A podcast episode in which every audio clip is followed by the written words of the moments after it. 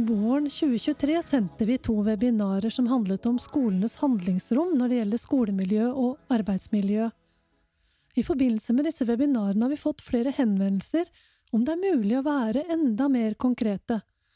Og vi tenkte derfor at vi kan jo prøve å komme med noen tanker og kanskje noen oppklaringer i en podkast.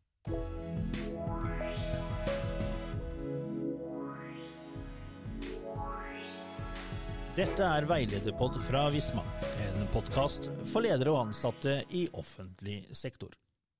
Ja, så i dag har jeg rett og slett tatt med meg to kollegaer inn i studio, og dere kan få lov å presentere dere sjøl. Ja, jeg heter Eivind Pil Martinsen og jobber som kundeoppfølger for skole og barnehage i Veilederen. Og før jeg begynte å jobbe her, så har jeg jobba som lærer eh, i ungdomsskolen og i videregående skole. Og jeg heter Ingunn Vik. Jeg er eh, jurist her i Veilederen, og jobber med blant annet eh, elevenes rettigheter og plikter, og også en del arbeidsrett. Og jeg heter Lisbeth Storvik Jacobsen, og jeg er produktansvarlig for Veilederen skole og barnehage, og jeg jobber da tett sammen med blant annet Ingunn og Eivind i oppvekstteamet vårt.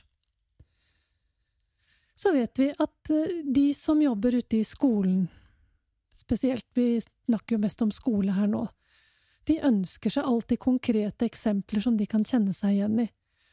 I det ene webinaret der vi hadde besøk av Lene Rolfsson fra Arbeidstilsynet, som snakket om den plikten ledere har til å forebygge og ivareta de ansatte i forbindelse med trusler og vold, så sa hun at hun syntes det var vanskelig å gi konkrete eksempler.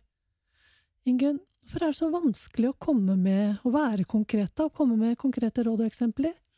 Eh, for Lene, hun som vi hadde med Mm. oss, Lene fra Arbeidstilsynet, så var det jo særlig vanskelig, fordi at hun er jo ute på tilsyn, og hun var jo redd for at hvis hun begynte å fortelle for konkret, så var det noen som kunne kjenne igjen. Enten eh, sin egen sak eller noen andres sak, så det var hun veldig tilbakeholden med.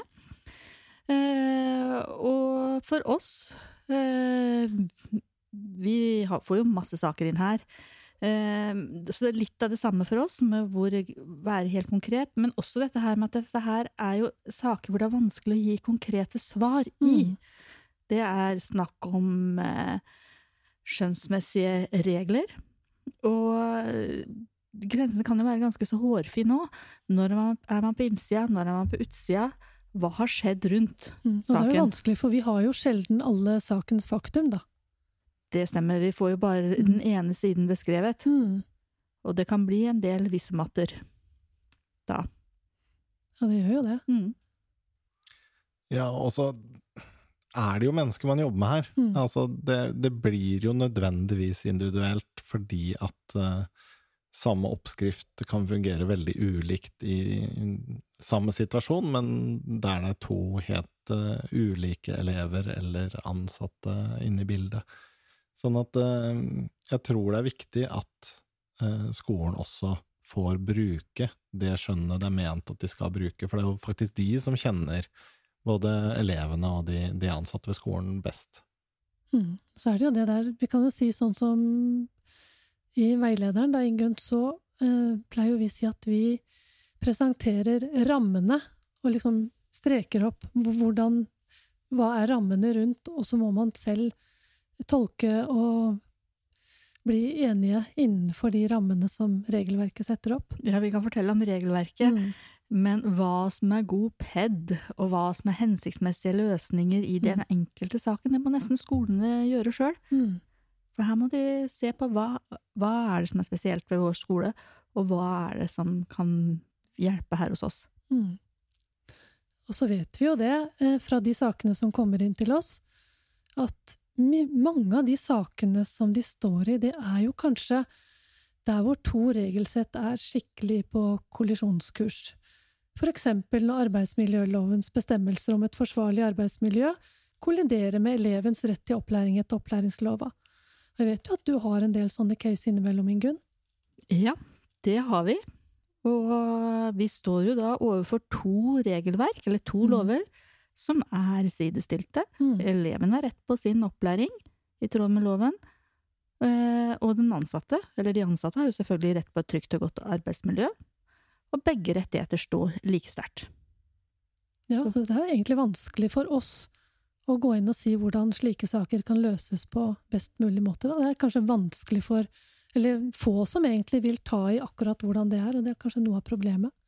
Tenker du om det, Eivind?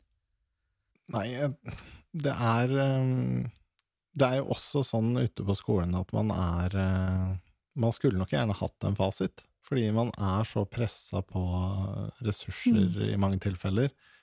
Eh, ofte så er det sånn at det må skje noe veldig alvorlig før man kanskje får den opplæringa som alle i en perfekt verden eh, burde ha hatt.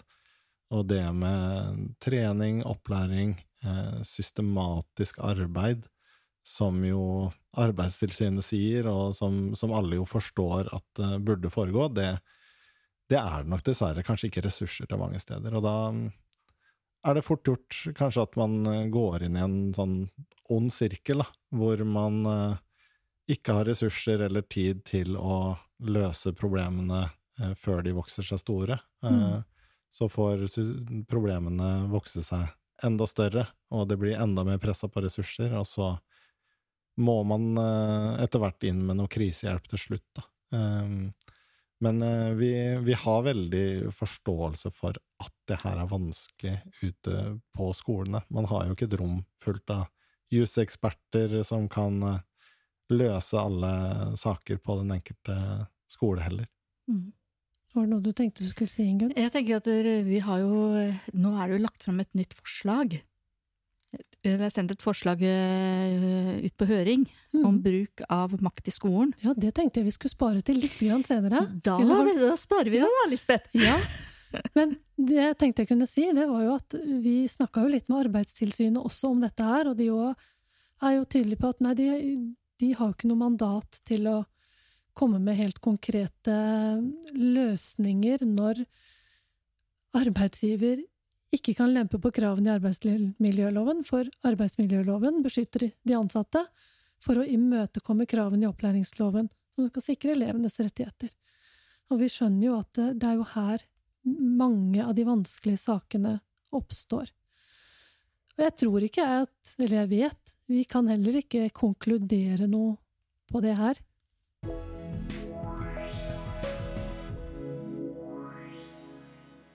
Men noen ganger så kjenner jeg på litt sånn dårlig samvittighet over å hele tiden presentere juss og regler som skolen og ikke minst skolelederne skal forholde seg til, eh, enda vi vet hvor pressa situasjonen er der ute. Eh, Er det noe dere kjenner dere igjen i? Eh, Som jurist så kan man jo ikke ha dårlig samvittighet for å si hvordan reglene er. Det går ikke, for det har jeg jo lovet på tro og ære at jeg skal fortelle hvordan reglene er. Det må man gjøre når man får, sin, eh, får sitt vitnemål. Men eh, det er jo Så jeg har ikke noe dårlig samvittighet for å forklare hvordan regelverket er. Men jeg skjønner jo, jeg forstår, at man kan synes at det er mye å forholde seg til. Mm. Ja, og så er det jo Så kan det jo være forskjell. Noen trenger nok å, å høre veldig tydelig eh, hvordan reglene er, og ha veldig nytte av det. Men så tror jeg også mange, spesielt kanskje det er med skolemiljø, det er jo noe man har hørt eh, mange ganger, og som man kjenner til. Eh, men jeg tror det er fort gjort at man eh, eh, filtrerer det litt ut, da. For det er nok også mange skoleledere som sitter og kjenner på dårlig samvittighet for alt man gjerne skulle ha gjort, Mm. som man ikke får gjort.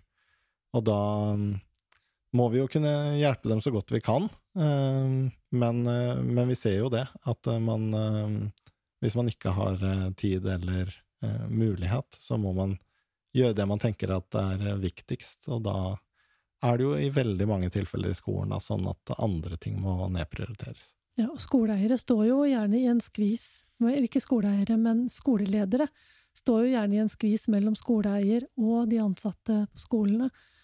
Men vi har vel snakka om det at vi har den filosofien at hvis skolelederne er opplært i regelverket og kan mye av det de driver med, så har de også bedre argumenter opp mot skoleeier, da. Ja, det tror jeg er et veldig viktig poeng. At, um, at skoleeier også trenger å høre. Det er vel som Mm. på så mange andre områder i livet at det, det hjelper å mase. Ja, det er jo skoleeier som sitter på ressursene. Men etter det webinaret med Lene fra Arbeidstilsynet som vi var så vidt inne på i stad, så var det en deltaker som lurte på hvorfor vi bare snakket om risiko for vold og trusler fra elever. Men det er jo faktisk sånn at det også kan være foreldre som er problemet, eller kollegaer som er litt eh, ustabile. Ja, og det er jo også alvorlig når det påvirker arbeidsmiljøet til de ansatte. Mm.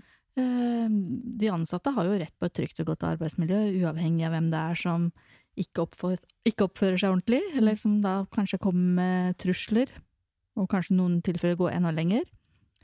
Eh, Og det her er jo Så arbeidsgiver må jo ta tak i disse sakene også. Mm.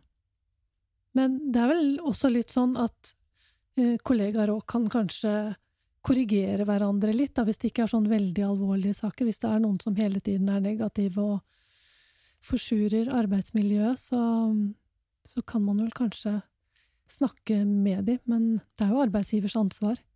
Jeg tenker det er Mm. viktig. Mm. Eh, Vi har vel kanskje alle vært borti situasjoner der man burde ha sagt noe, eh, men det er det er jo ikke unaturlig at det sitter ganske Mm. langt inne, for det, Mm. det kan være sårt for den det gjelder eh, også.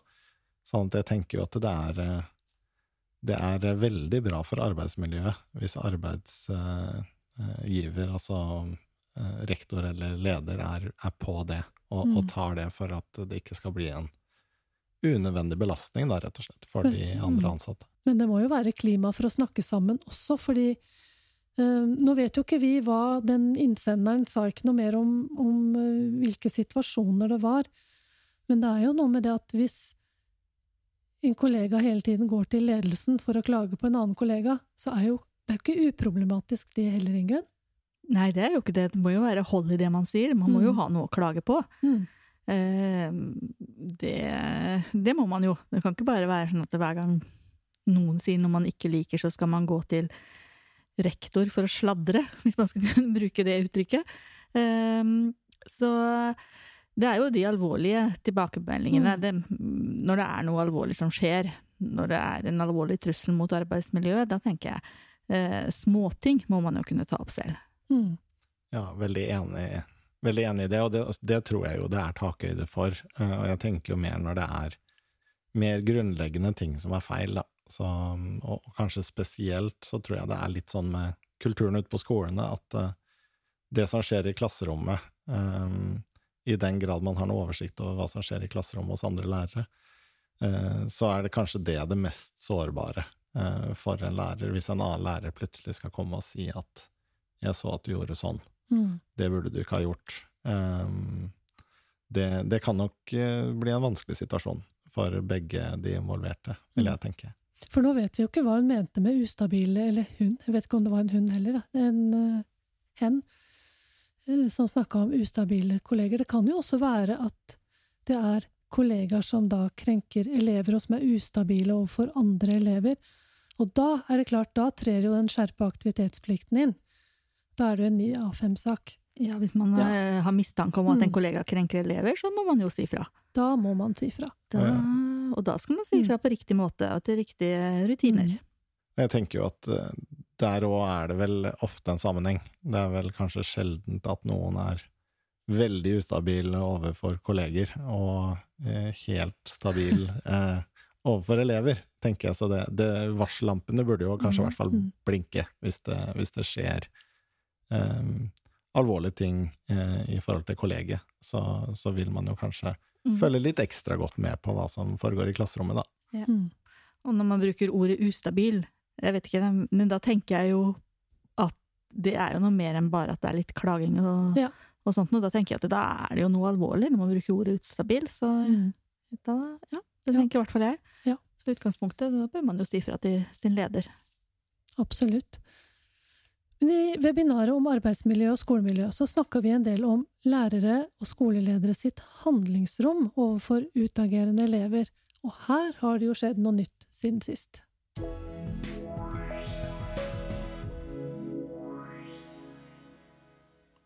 Og da Ingunn, tenkte jeg at vi skulle ta i det her nye lovforslaget som er ute på høring nå, om å ta inn regler for når en lærer kan gripe inn fysisk mot elever.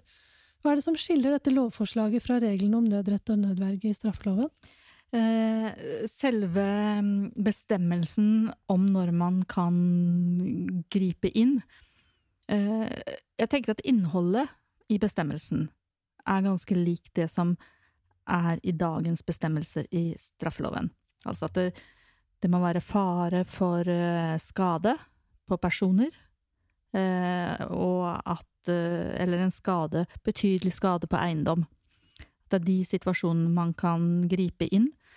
Det sies jo det at man ikke skal kunne bruke fysisk makt overfor en person som kommer med kun verbale krenkelser. Men at man kanskje kan da få lov til å bruke fysisk makt overfor en person som står og spytter på en annen person, eksempel. Selvfølgelig dette her med å At den makten man utøver, skal være egna til å stanse situasjonen. Det her er jo ganske likt. Uh, men uh, jeg tenker jo at med egna i opplæringsloven, så tenker jeg at da skal det jo kanskje være egna i forhold til barn, Eh, at det skal være noe pedagogisk riktig i den måten man bruker makt på. Det er ikke sikkert lovgiver har tenkt det, kanskje det er mitt hode som tenker sånn. Eh, så det er én ting. Men så er det jo det som jeg syns er fint med dette lovforslaget. Det er den klare plikten til å arbeide forebyggende. Mm.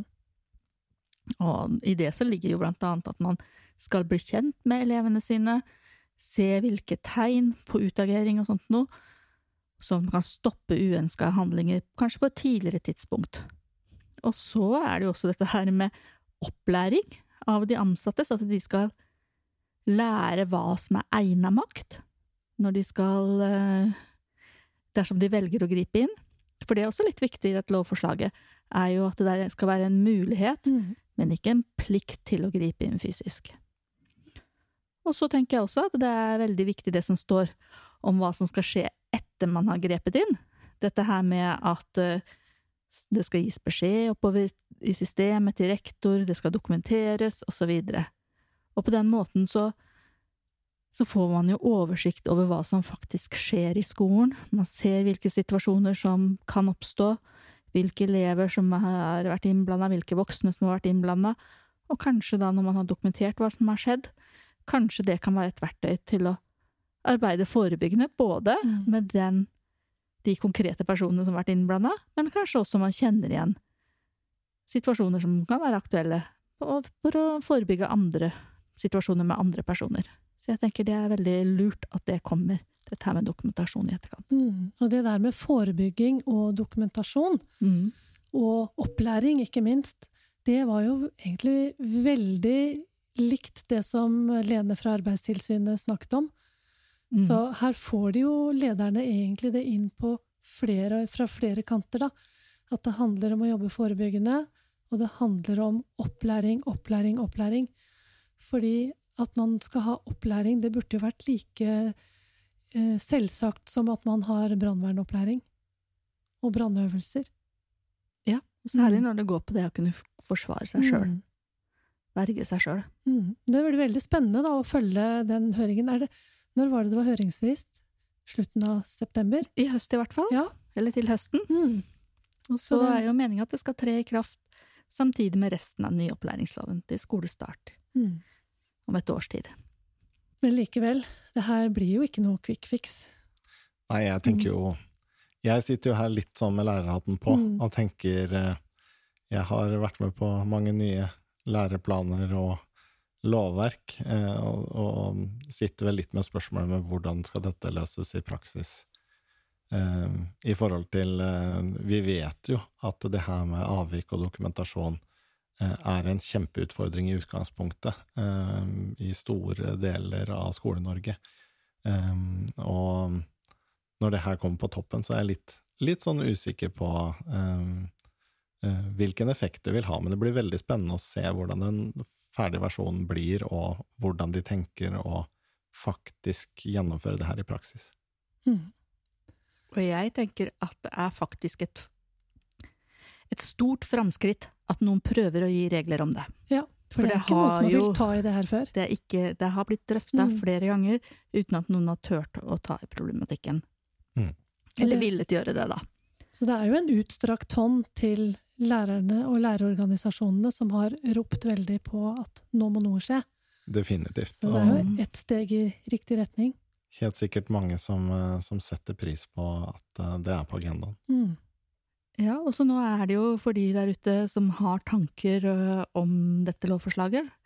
Om de er enige eller uenige. Jeg tenker jo at det er viktig at de bruker retten til å svare i høringa. Ja, Mm. absolutt. For det er jo, det er jo åpen høring på det. Mm.